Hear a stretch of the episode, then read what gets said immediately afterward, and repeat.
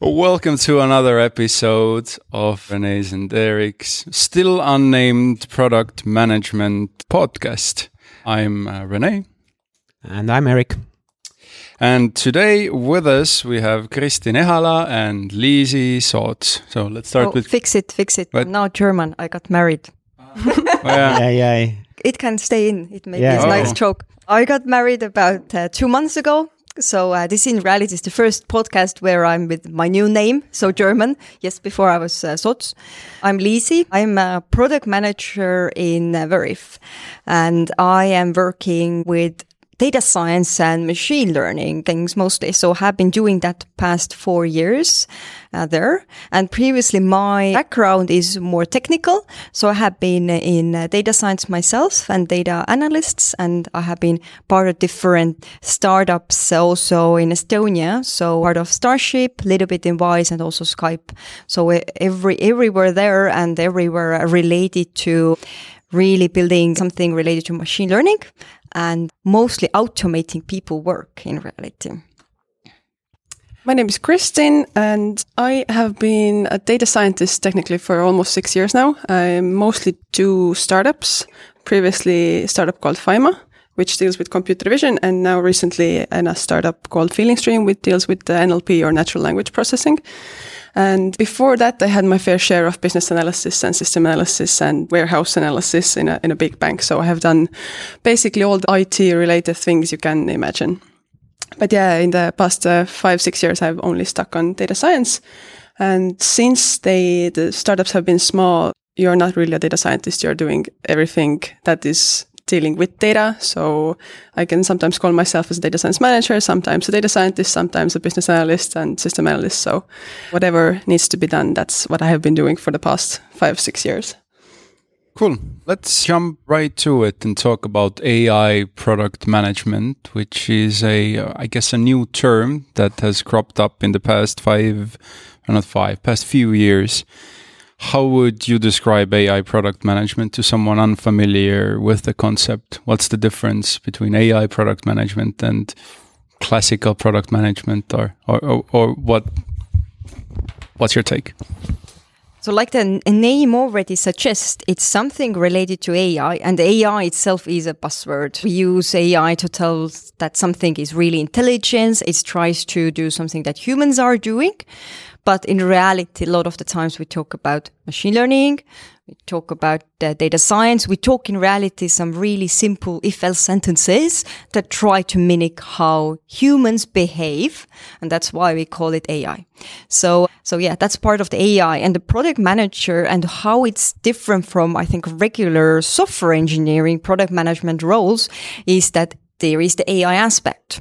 You need to a lot of the times think about data. You need to think about where do you get the data? Is it this data? How can you legally use it so that it's okay?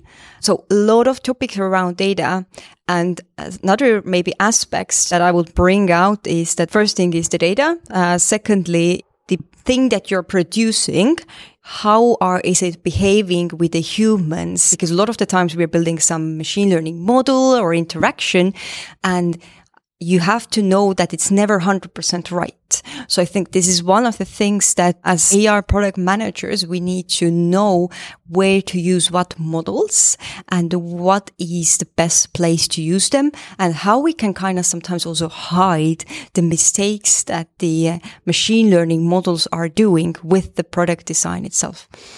And thirdly, I'd say is load the expectation management. So, uh, building machine learning models is it's getting faster each year. We are getting better at using already what we have, but it's still really experimental. So maybe with software engineering, if somebody from management comes and asks you, Hey, so guys, we are going to do this product when it's ready. We, we can somehow estimate it. Regarding AI, we don't a lot of the times know specifically when we are going to new field. We don't know if the model we are going to build today will even give any results in three months. We are wasting sometimes and throwing away a lot of time when building these kinds of products, which is different from software engineering. Yeah, I completely would agree with that, that. That mostly the biggest difference, if we are talking about like AI product management and just product management, is the unpredictability. You're dealing with the same things: the timelines, the budgets, and uh, some I don't know, maybe they're like PI plannings or like Scrum, I don't know, weekly, whatever. But there is no like real deadline or real definite outcome of the product. You just assume it might work. So uh, you will ask for different stakeholders that, yeah, yeah, we need this much money, this much time, but we are not really sure if the product we're doing is going to end up how we're hoping it will. It might, but yeah, not 100% not definite. And also there's this component, component that you don't know how long it will take for you to invent the bike you don't know how long it will take to get the desired outcome. So there's like a lot of unpredictability in the whole process and you still have to like manage a project somehow or a product. So you just have to do a lot of expectation management and a lot of explanation of why things are not moving in speed or as expected or or like why things are how they are in AI. So there's a lot of understanding uh, in that in that sense. So yeah, like I think what is the difference, like shortly for AI product manager and product manager? I think all everybody can do it. Regular product manager can do AI product management. It just means that you need to learn more stuff, meaning you need to understand in reality how the data machine learning stuff works so that you can manage that product kind of to some extent. So just the skills needed there are maybe a little bit more technical. So uh, that that's basically the difference there. So it's like really domain specific. There's like real, you need to know that otherwise you're going to be in trouble. Yeah, otherwise you, you just need to know what can go wrong, what you need to explain. That's, that's the main thing, I guess. Yeah. Uh, and I think like all the product managers, if you look at the product management field overall, everybody has their specialization. So it's like we need basically technical PMs. So we call technical PMs that really work with backend systems usually. Yeah. So, so this AI part is kind of technical, but in another sense. And at the same time, have a lot of PMs who work basically with UIs or, or some portals or something like that. So it is really different where you're also focusing. So it's, I would say, one focus that the, that the person can have. It's really interesting to think about the expectations because I had never thought about it because essentially you're a like a startup within a startup. So this like really, how do you make that certain? It's like, oh yeah, the results may come. I don't know, sometime, and the valid answer is no. yeah, I think it's uh, sometimes AI like teams are also like considered as a research development teams because you have to take the process in the same way. You have to time box, and then you at some point have to make a decision whether we're going to continue or not. Like, just a lot of decision making. Yeah, I think like that, that's exactly where what is the management kind of comes or like time management and team management that uh, there is uh, so always some easy wins that you can do and figure out what, what, what to improve on. But there are, but you cannot do only easy stuff because at some point you run out of the easy stuff. So you have to have always something bigger going on, but the bigger might never ever get live. So I think in, in the Veriff side, we have thrown away, I don't know, like months is nicely said, but I think like uh, even years, sometimes the four years that I have been of work of somebody because we figured that eventually that what they did, it just doesn't work. It, it, it, it does, just doesn't work. But of course, what I as a PM want to do is that we figure those out, things out earlier and we figure out better solutions earlier, but you can uh, always learn from the failures, but the failures have to come. So I'd say you asked like to include some of the failures that we as a product managers do. So I think like learning that we're a lot of the times, I think throwing away way much more time than I think regular software in, in the software engineering we kind of do. I think there is nobody coming to retro and saying that the whole retro I did something and now I figured the one that I did, this is not good solution. And basically it's like the next three months, this is what they are going to do and report. Yeah. Uh, yeah. I have uh, had similar experiences at uh, the Fyma. I was doing computer vision, right? And we were like researching white papers about multiple object tracking, if basically just mul- tracking multiple objects at the same time. And the time spent on the research was literally two, uh, like three months. And every week the researcher we had was like, oh yeah, I'm researching that, like that thing that they're doing is researching. There's not much detail to that.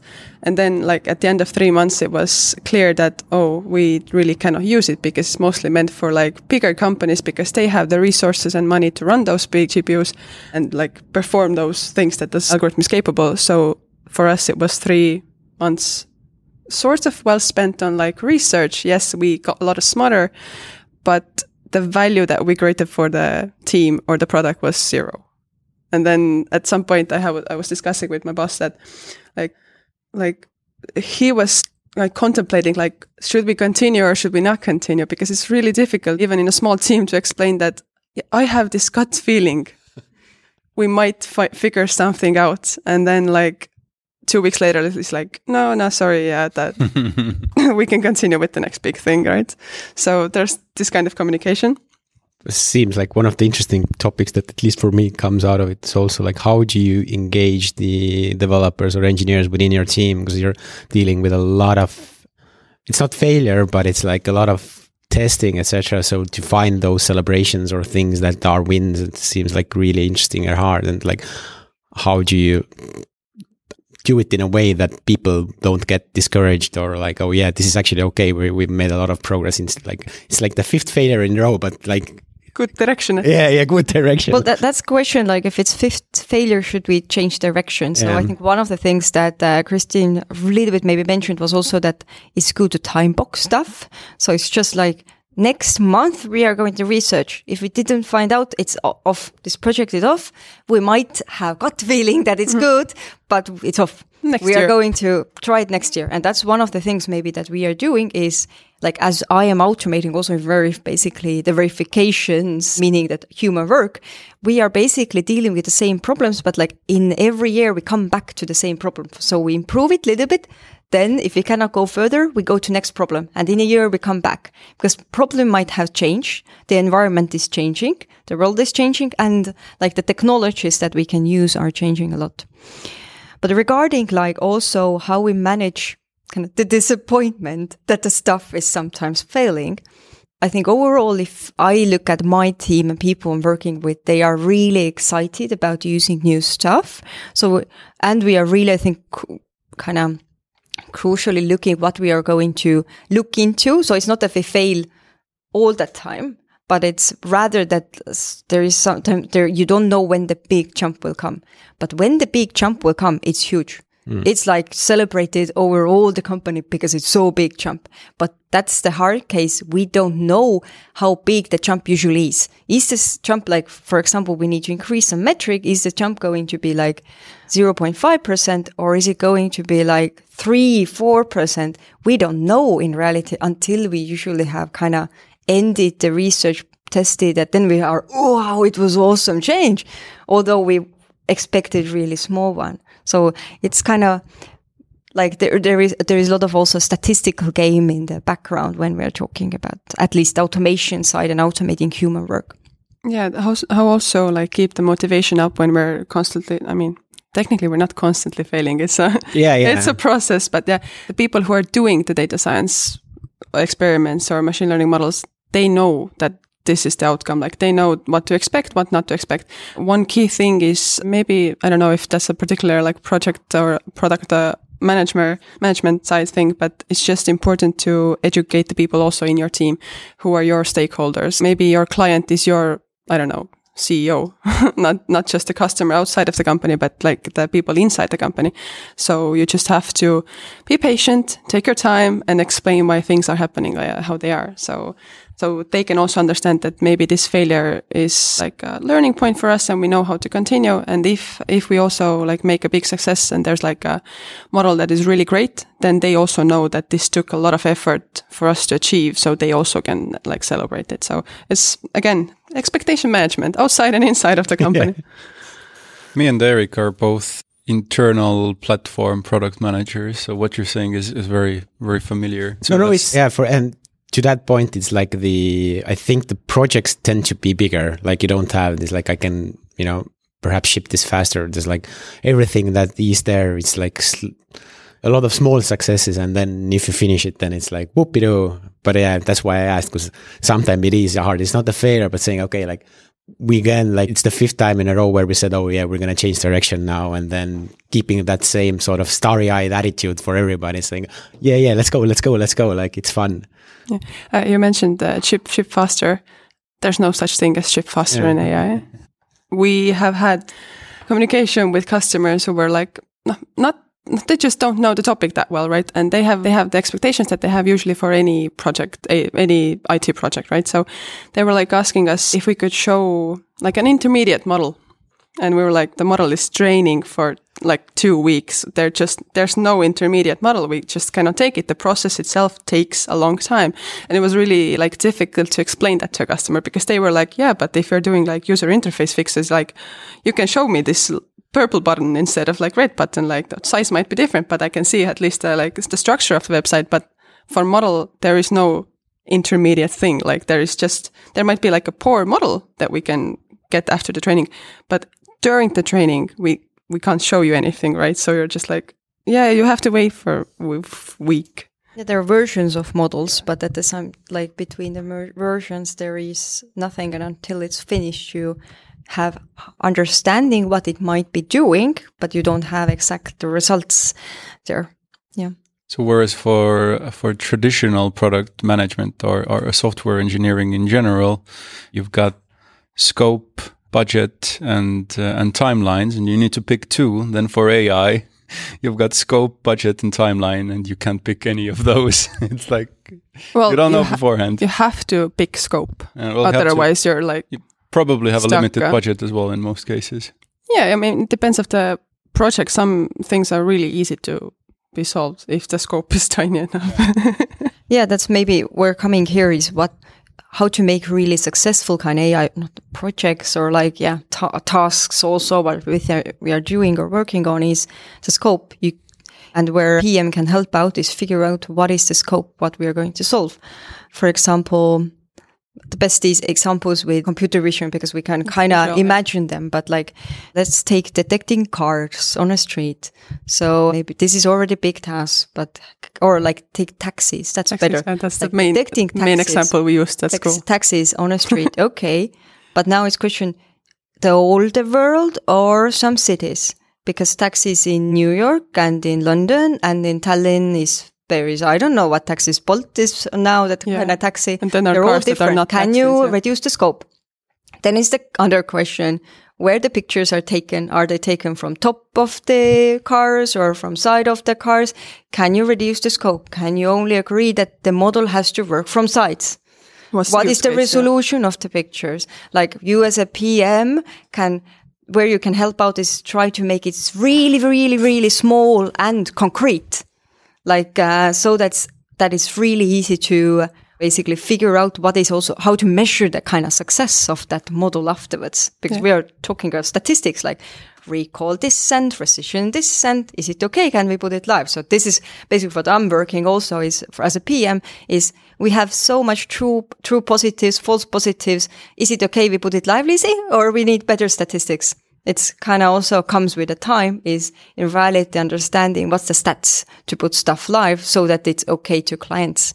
And a lot of it is scope and getting the data. So we didn't maybe from software engineering, we a lot of the times don't have the restriction of data.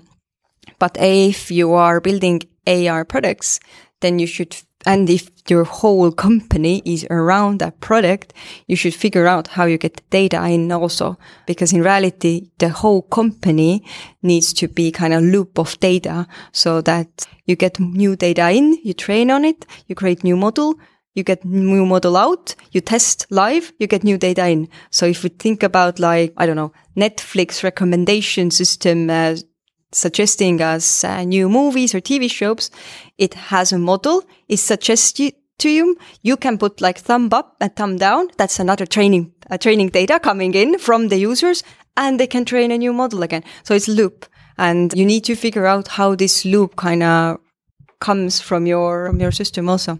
Yeah, going back to the scope thing, I think limiting your scope to the like the MVP sort of say is also letting you to reach this first initial success story because you know that there's a small set of or maybe not, but if we keep talking about object detection, a small set of items we want to detect, we want to automate some simple task, and we know we can definitely do it.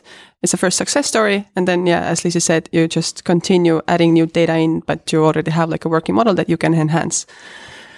So yeah, success, uh, no, first easy success. This reminded me of, of a project or kind of initiative that EasyPark that, that we work closely with is, is, is spearheading, and that's part of the parking data as a service direction for, for the company. And, and the problems that cities are facing is that they've got a lot of parking inventory, a lot of parking spaces across across town. And and what EasyPark has discovered that cities don't know how many parking places have they got and where are those parking spots. And now EasyPark is is helping cities figure that out and and use that data then to drive a parking policy. Which I think now is an uh, excellent transition to our next uh, topic getting more into into the specifics. So we we talked in general about what what AI product management is, how to do it, but what about when should you do it? I figure there are a lot of companies who say that hey we're an AI company where all they are doing is is picking a component off the shelf to use it like perhaps they are storing your photos and then they're just using an existing library to to figure out what is on those photos. But in that case, I wouldn't say that they are an AI, that they are doing AI product management. They're just using a, a library like any other library. So at what point is is is it a good time for an AI specialist to come in? Maybe AI specialist, but first is also when to bring out AI technologies. So it's simple rule. If you don't have to, don't do it. Yeah, agreed. Because it's so hard. You don't know how much you have to have other stuff coming in other than one data scientist and like I don't know somebody who knows more about AI. So basically, if it's possible to do everything with using I don't know ChatGPT Google. It's already Google, AI, by the way. Okay. What? ChatGPT is AI. yes, but it's using like basically not building AI yourself, but using somebody else's software Yeah. or APIs or something. Use it as much as possible. Like there is a lot of other com- big companies providing it and smaller ones also. So that's what we have been trying to do. All, to all, that also, also it's so much also. It's just maybe you can edit it out afterwards.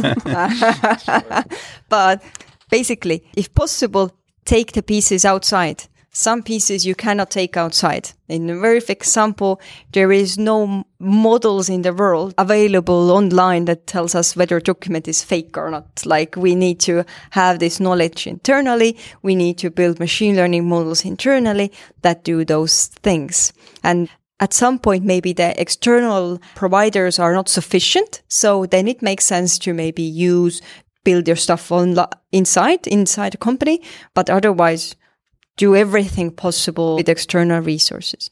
Regarding a AI product management and overall product management I think there is step there is it's not like there is clear line where is like AI product management. I think the regular PMs can usually do everything if they have really good data scientist or T team uh, next to them. They can uh, basically uh, do it themselves.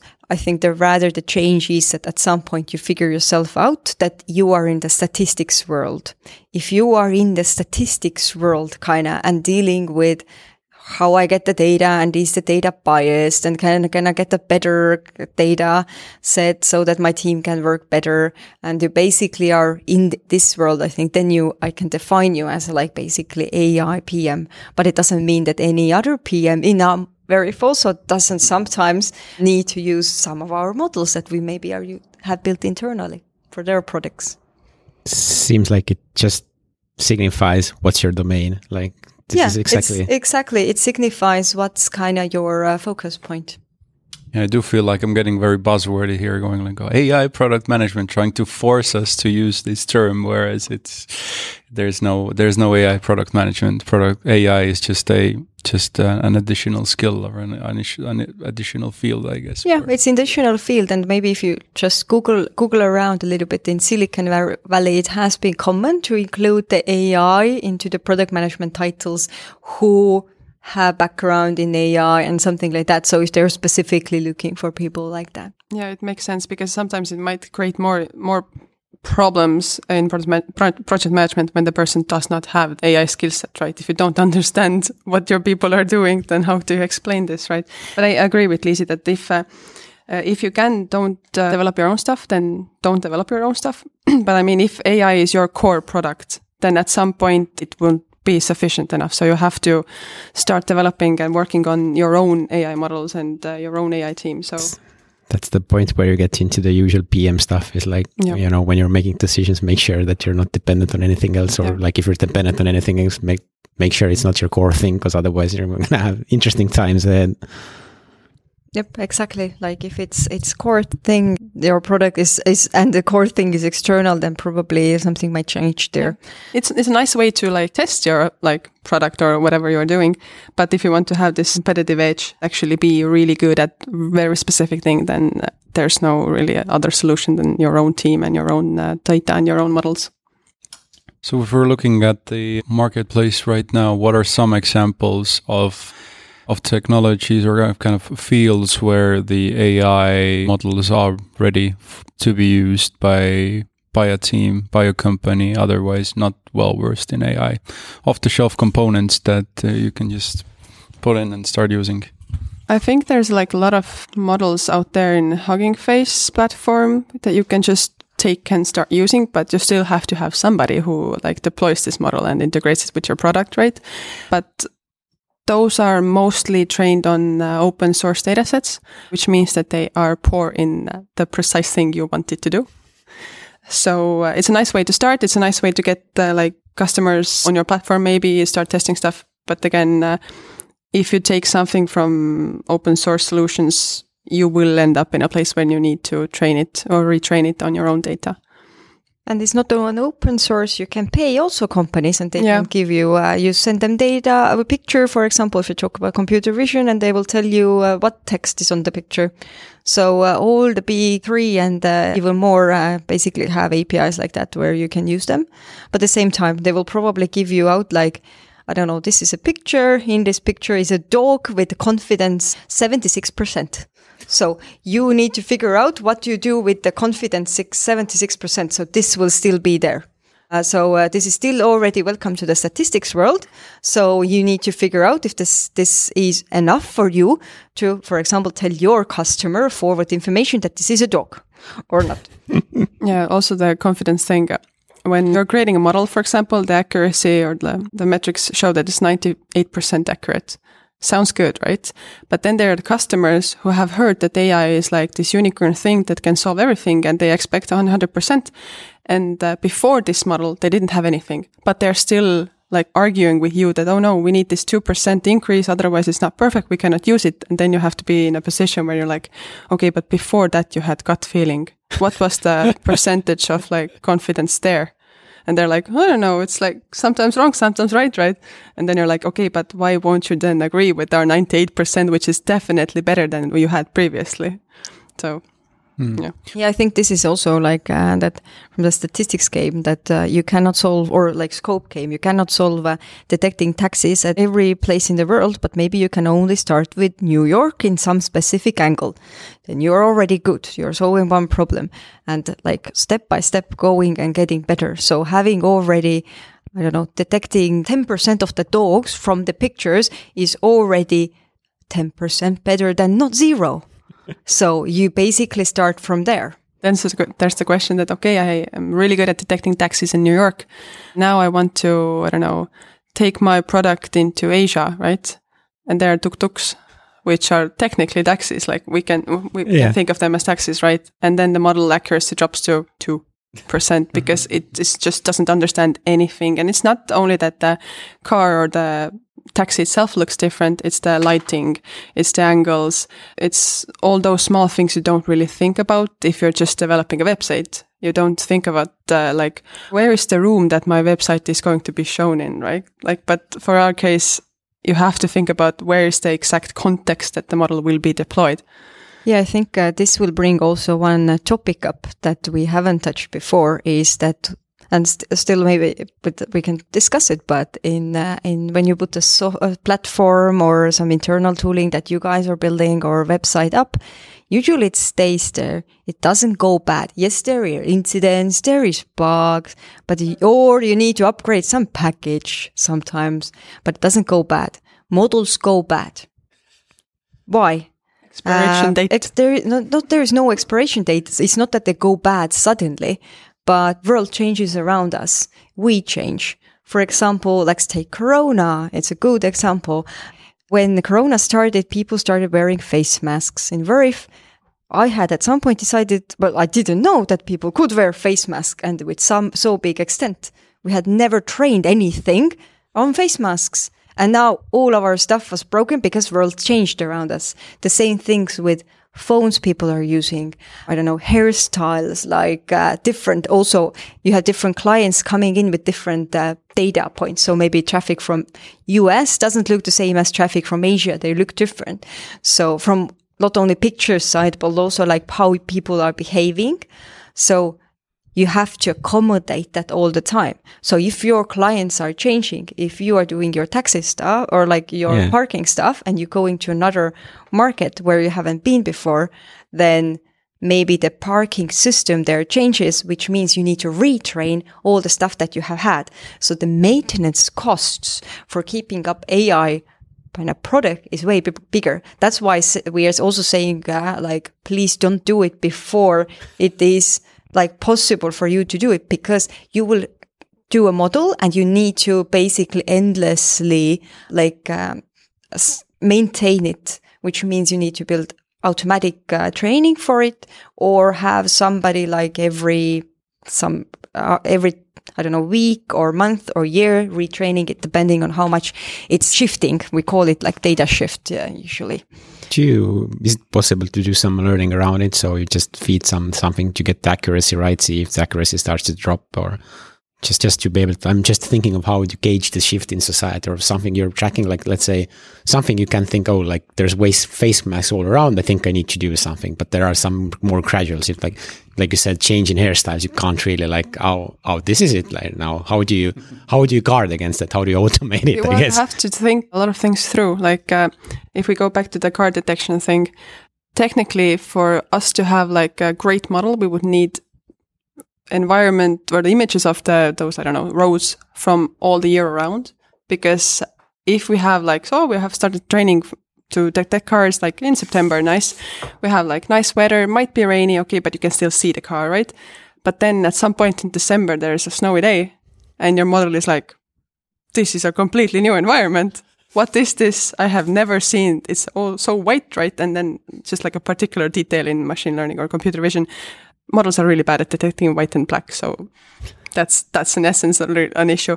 But like the context can change. So it's your job as the person who is either like developing the model, who is the or the project manager. It's your job to think things through beforehand. Like okay, what can go go wrong? So yeah, that's the way you can just validate it beforehand. And also there's like systems when you train a model, then you can uh, before putting it live you can test it on various different things like how would it would behave so you have some sort of understanding what's going on seems like a perfect job somebody for somebody coming from insurance or something it's like sort of you're pretty much poised to think what can go wrong all the time well, i think we don't also think of everything in so detailed way but it's yeah. just something basic to think through and know yeah. and also that know where to then use this model so if it was trained on not on tuk-tuks and only in New York, then in India it doesn't work. And all the everybody selling the product, everybody around the product should know about it. And there's a lot of emphasis on this communication. the idea regarding can we detect basically if something is going bad? Yes, in some extent, this is what is and has to be coming next to it is how you build basically the monitoring so that you know that if something goes bad, when to start uh, kind of retraining it. But like I said, a lot of it doesn't go a lot of the times bad so drastically, like the Yeah. Corona example. It just degrades over time the performance, and at some point you need to just redo everything. Update the data set. Yeah, update the data set. And I think the main thing maybe, which is where machine learning is also used a lot, is like fraud pattern detection. I think everybody in the banks, everybody or regarding fi- into finance world is have basic machine learning models on top, top of it. So uh, what they're doing and their world changes really quickly because every day you have new uh, bad guys trying to come to your system. So what is usually they're doing is that just they have somehow through customer support or something data coming in that this was a bad guy. So this was a bad basically behavior. And every night they're retraining everything. So every night there is just like retraining stuff happening so that every day there is new model life. But this is question now. There needs to be all the infrastructure and all the data gathering regarding training it. So this is a new big thing. First is getting first like a machine learning model live for your new product. Another thing, big topic is keeping it all maintained.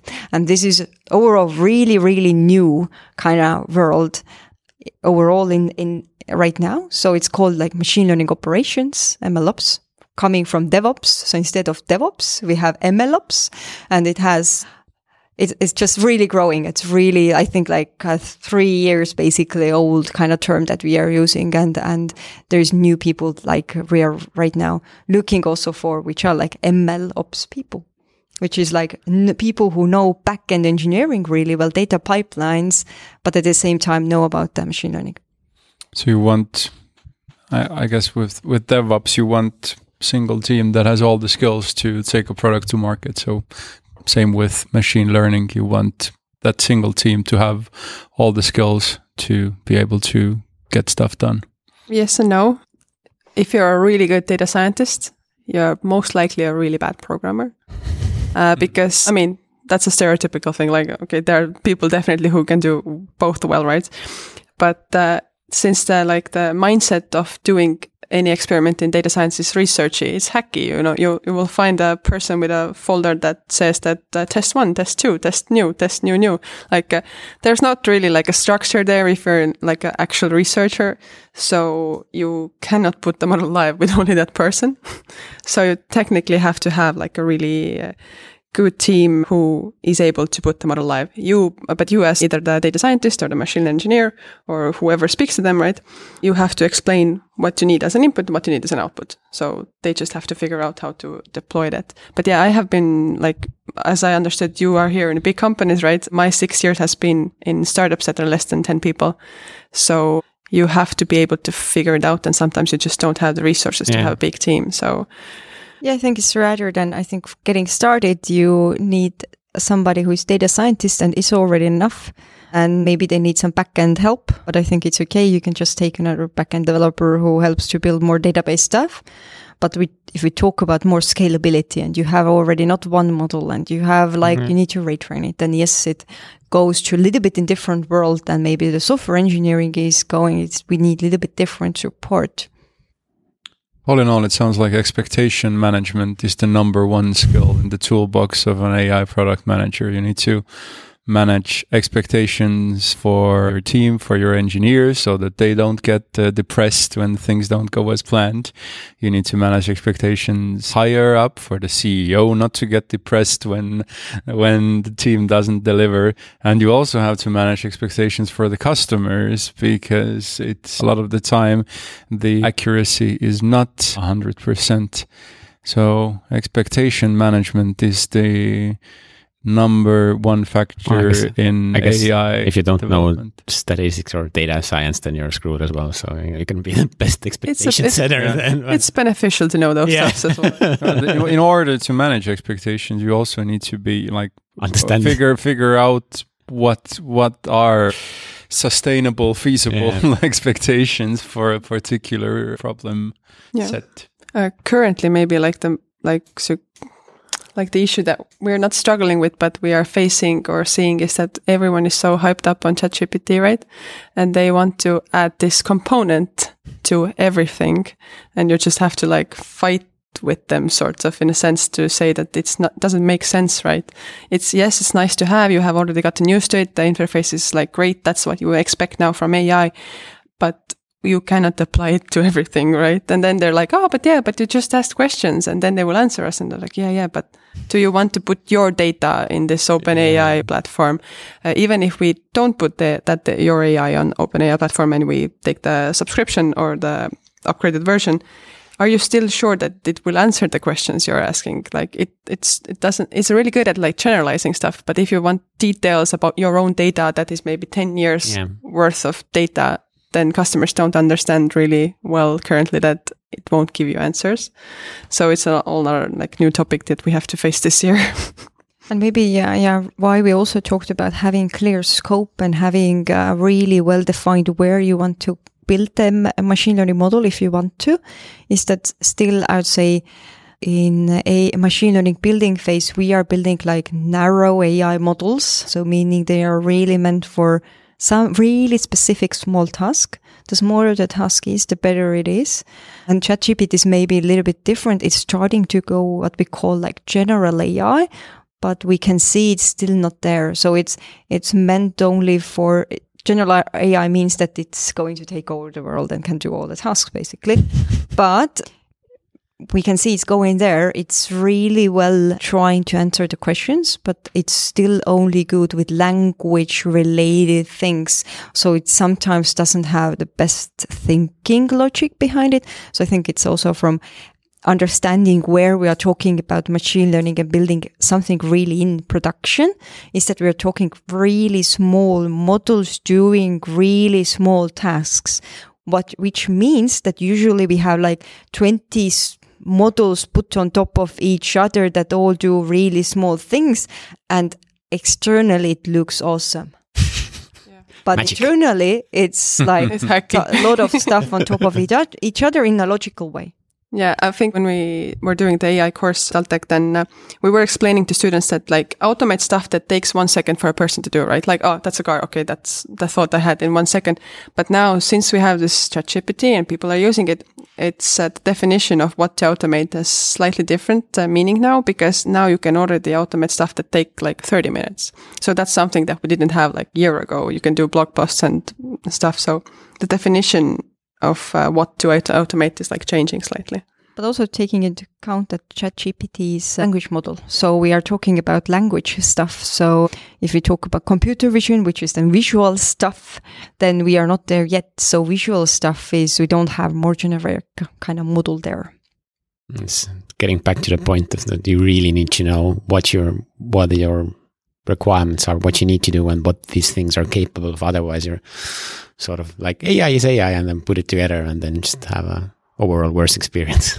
Yeah, I think the biggest kind of also recognition or, or from all the students that we had uh, when we did the, the Taltech course was that they all were really surprised that it's not only one AI and one model, that in reality, it's basically a logic or product, I would say even that is built, but it has a lot of different models and sometimes some logical structures like if else's, some logical structures, how, because it, those are easier always to do. So if you can do if else stuff, basically. So, uh, yeah, that it's not always one model, but there is some logic how we have tried to take, for example, we verify how somebody validates a passport. We have taken that human task and try to split it into as much small pieces as we can. Yeah. For students, we used the example of making a sandwich. Like if you would have to write down like the steps you take to do a sandwich, like how many steps there would be. And that also like already showed the students that oh, okay, it's not just like take bread, take butter and take the ham, right? Some people were doing it in so much detail that detect the bread then take the bread, put the bread on the table. Like the level of detail and also understanding like how the scope changes for AI product is, it's really like interesting thing that we saw. Yeah, I think that scope example is good. Like you have to, do you even have a table to put How- that how- bread on? yeah. Gradually moving to Taltech talks. Yeah, the, the last uh, topic for today is about teaching and learning. So you taught a course on AI product management and development in Taltech, I think for the first time this spring. So what inspired you to do that and what was the course about more Uh, specifically? I think what inspired us to do it, do that was that me and Liisi, we have the exact same educational background, but we have been working in immensely different companies, like size wise and like just things that we're dealing with. And we discovered at some point that the issues that we're dealing with are exactly the same. so, you know, you're just talking like, oh, you also have those customers who ask 100% like products and stuff. And we're like, yeah, yeah, we have the same issue. And then I think we just decided that maybe it's easier if we just educate the potential customers and also the potential future product owners. Yeah, so I think like um, basically there is I think a gap in the education today. So everybody is talking about how to build machine learning models. You can find courses there, you can find those online, a lot of those. And in universities there is also as much as you want. There is also universities a lot of focus on research, so how to build the best awesome model there is. But in reality, this is one of the pieces there. There is there is no point of that model if we don't understand how to put it really for usage. So what we try to uh, do our course around is basically to build the knowledge, uh, know-how, and also that in the future we will have more smarter customers at some point facing us that, uh, that instead of asking some of the questions how to build a model, rather how this model is put into use. What happens if model fails? How do you how do you make sure that if it fails, it's still okay to customer or that customer doesn't notice this too much? So it's all those questions that we wanted to educate people around that it's not only like machine learning model building, that machine, really machine learning model, model building is the smallest piece Yeah. in getting a machine learning product out. Biggest piece is data gathering. So nobody's talking about the awesome world of data gathering and annotating, for example, which is takes so much time and effort. Uh, and machine learning model building might take you like two weeks or three weeks, like something like that. But the biggest point is like the scope, getting the data, getting the scope right, then trying to build a model and then putting that stuff live and keeping it maintained. So yeah, that's, we try to basically make sure that there is, we're giving also back to basically our community by bringing, bringing this education there. Just one question I had regarding the just wanting to educate the wider audience and, and your your customers. Like, do you have understanding of like wha- what's the course makeup in terms of what they're ma- like what they're majoring in? Uh, is it more like on the IT side or more like from somebody learning studying economics or I s- think since it was a free course, it was like whoever wants to take it, right? And I think it was promoted mostly for IT students. Okay. Um, so maybe we can change that next year. But there were, if we're going to take it, but there were like a lot of IT people, mostly in e-governance and healthcare systems, I think. So it's, and also a lot of business information technology, uh, students. So in that sense, it's, it's not the students who are maybe too uh, comfortable with coding. yeah So it's rather people who are exactly working with the technologies, but a little bit more on the support roles rather than doing the engineering work themselves. There were also la- la- pa- uh, par, a few uh, financial people, and then like a handful of uh, people who have decided to just go come back to school. I don't know Yeah. if there were particular courses they were taking, but they were like coming from work and Yeah. trying to just get knowledge about that, and that was really like nice to have because we really had like a different set of people in the classroom, so we would have to cover like a lot of ground. But uh, it, it also gave like a lot of perspective to other students as well since there were so different people in the classroom Yeah, because one of the reasons I was asking is that product management itself, like it's derived from so many different sort of. It's not like there's multiple paths to there. I come. I don't have a technical background. Somehow I managed to become a product manager of a really technical team. I'm the. Uh, I guess I'm the diversity hire in my team, sort of like. But yeah, that's like you have. Last time we had Marty said, "Oh yeah, I was a journalist." Like those things are really. Actually, you can apply them to product management. So it's it's an interesting interesting thing to think about. Yeah, the feedback we also got uh, why people selected this course was that the description was technical enough but not too technical. So they were like welcomed there. They didn't feel like it was going to be too difficult for them.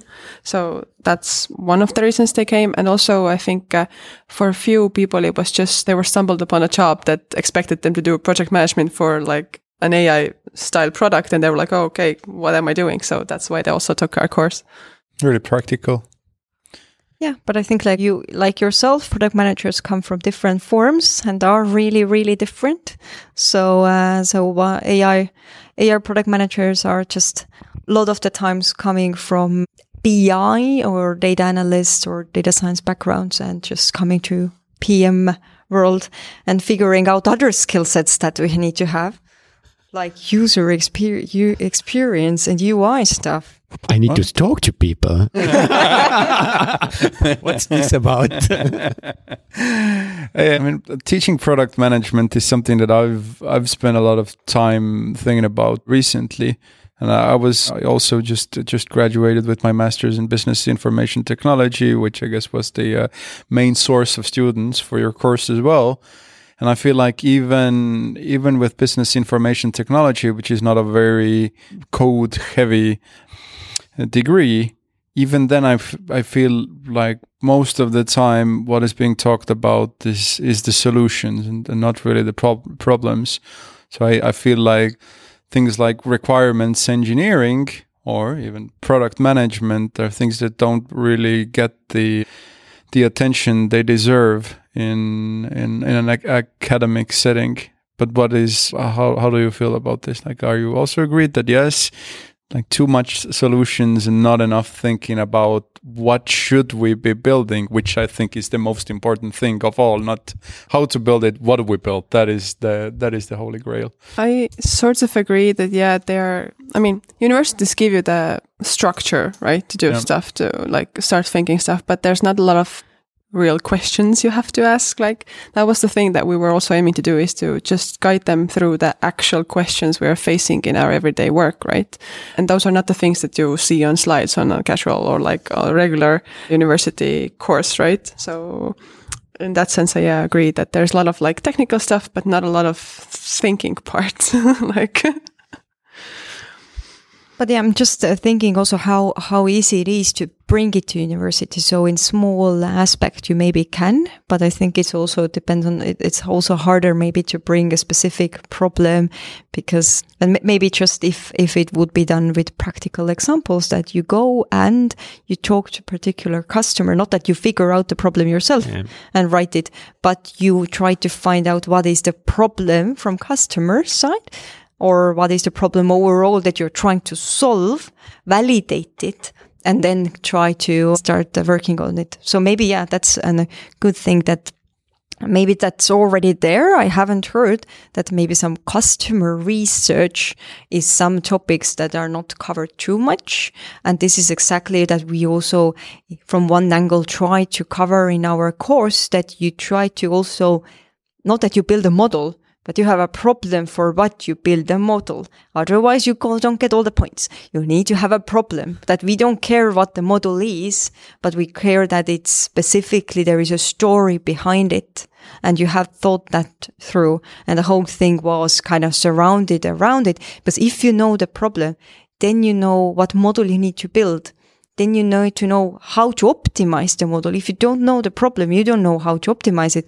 Can it have is it, does it have to have a good recall or precision? We didn't talk about the metrics too much here today, but these all depend on what's the problem and you need to have that before you go basically building them the age old or thinking is like the effectiveness and efficiency like it you know if it might be the most efficient thing, but if it's not effective, then you're screwed or then you're in a bad position. Yeah. Well, during the course, we gave our students, like, uh, as Liisi said, a project they would have to do, which, which would have like an actual issue or they're solving. And we didn't really care about how the model will turn out. I mean, if the accuracy is like 30%, then so it is.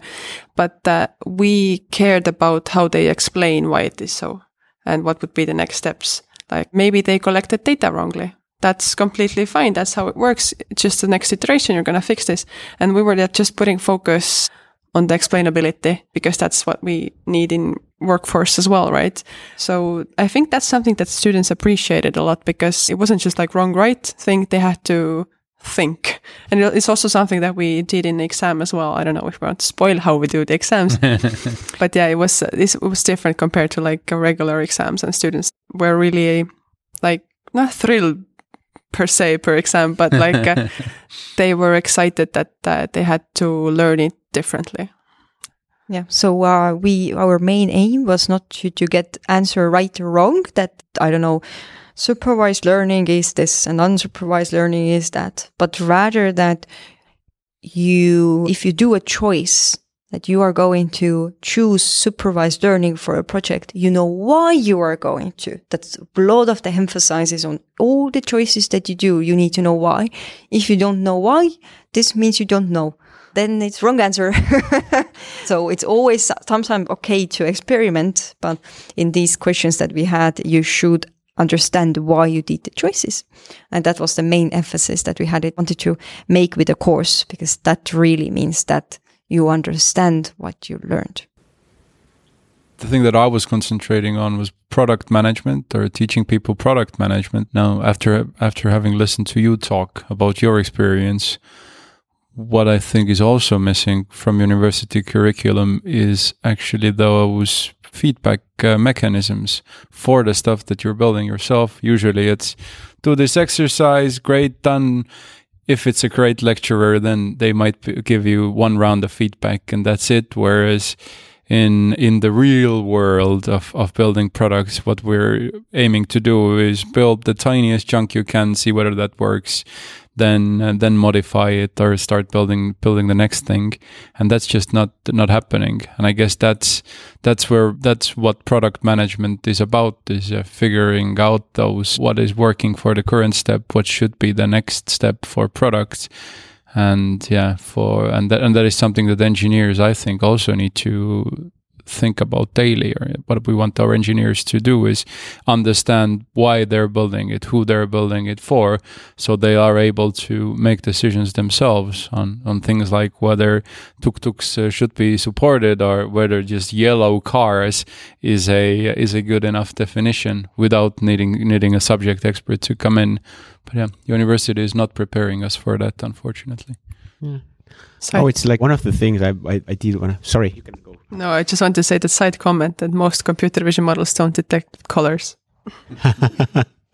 My point, I, I guess, sort of um, maybe to the next topic or a slightly slightly different angle is the one side is university, but how coming back to use product managers, like how do you learn yourself? Like how do you keep yourself up to par? Like do you divide things? Like you have my my problem is like I okay I need to know about my domain I need to know about technologies used I need to know about the efficiency part like how can I be a better product manager in general like how do you divide that So I there was I think different angles. So regarding Yeah. models and specific new technologies, maybe this is something I don't focus like too too too much on detail. This is where data scientists go more in detail regarding new oh new more nice architecture came out. We can maybe use it.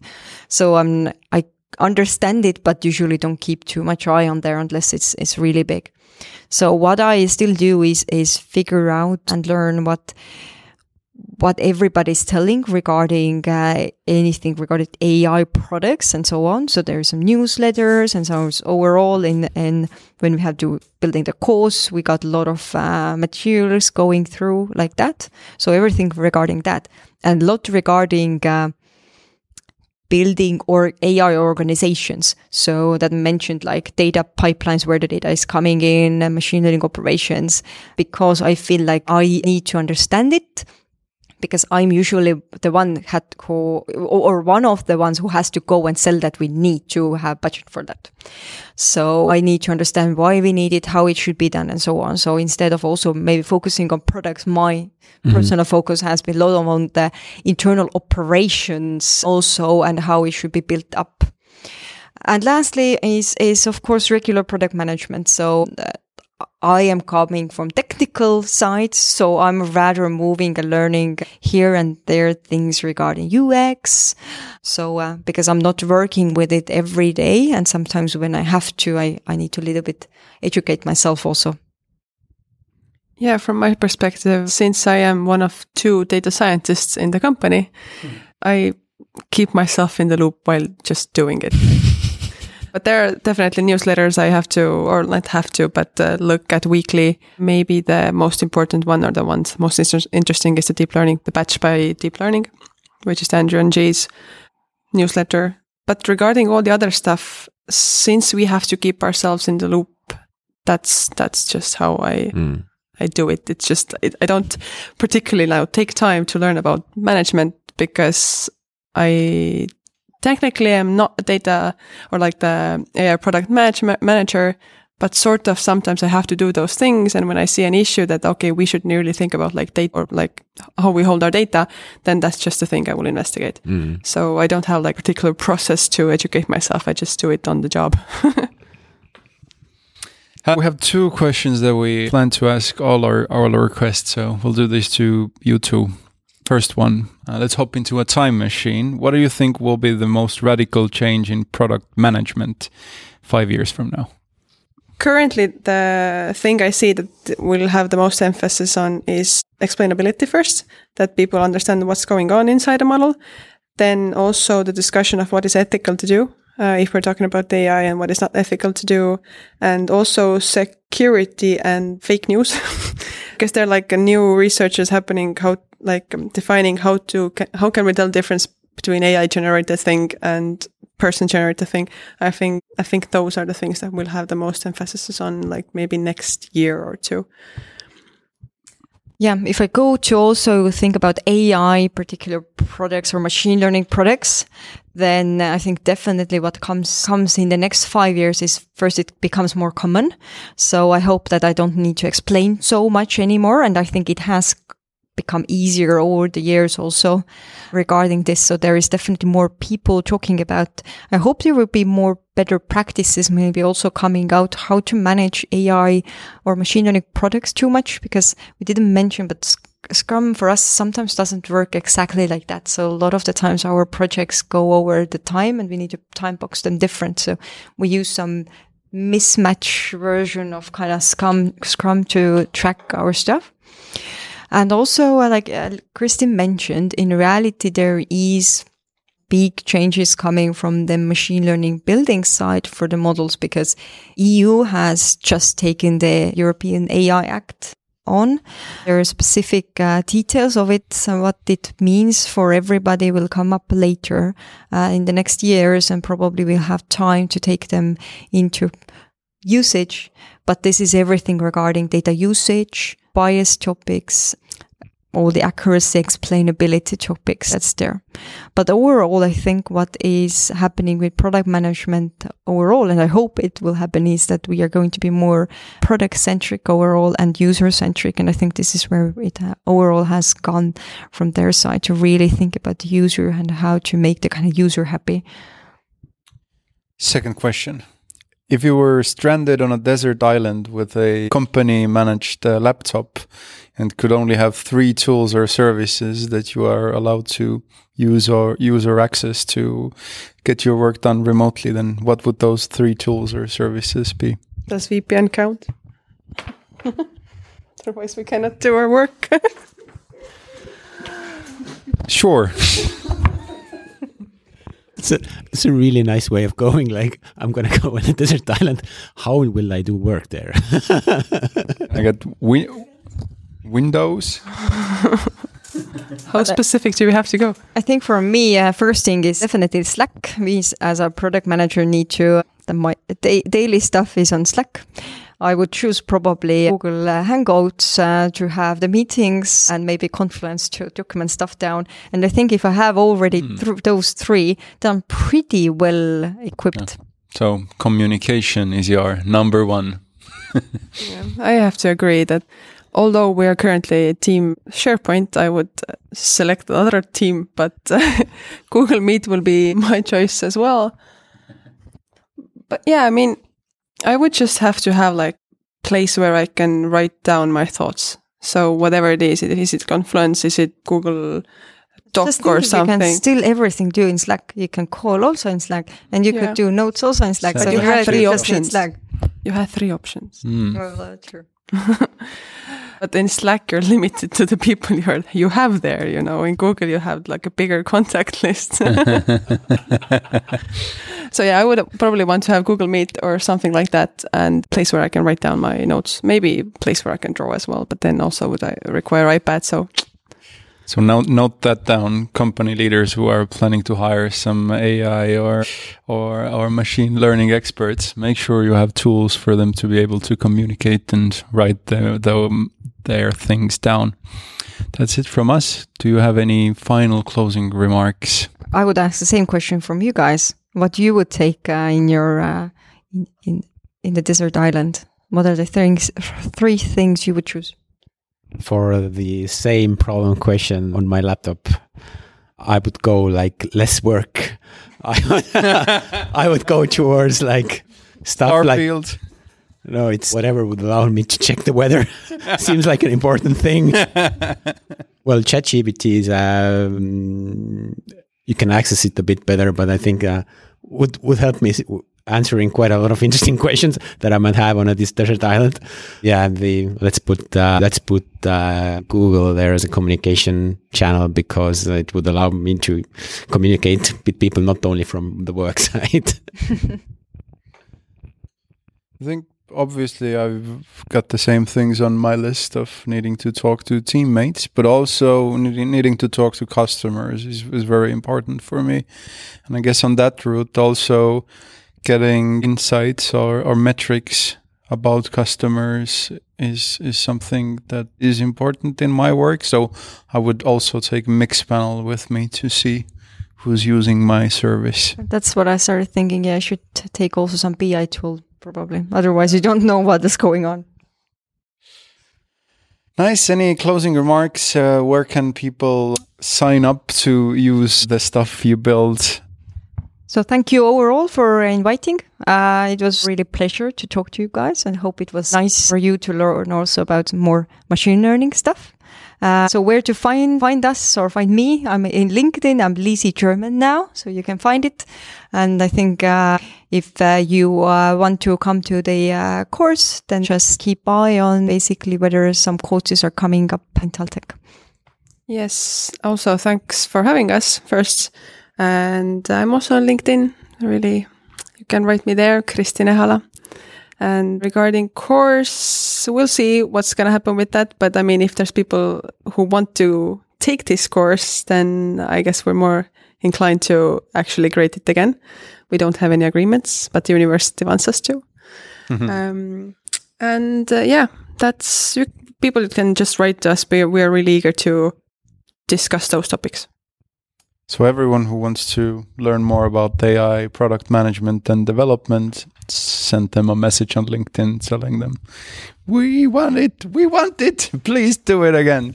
There were actually people who were discuss- uh, like asking us to, are you going to do it again in fall? Because they want to get some updates on some slides, how things are going now. Like because ChatGPT ruined ruined most of our slides. Thanks for joining us. We'll be back here with some next guest soon. Overall, thank you so much for telling us about AI. Hope it was insightful for everyone listening and see you around.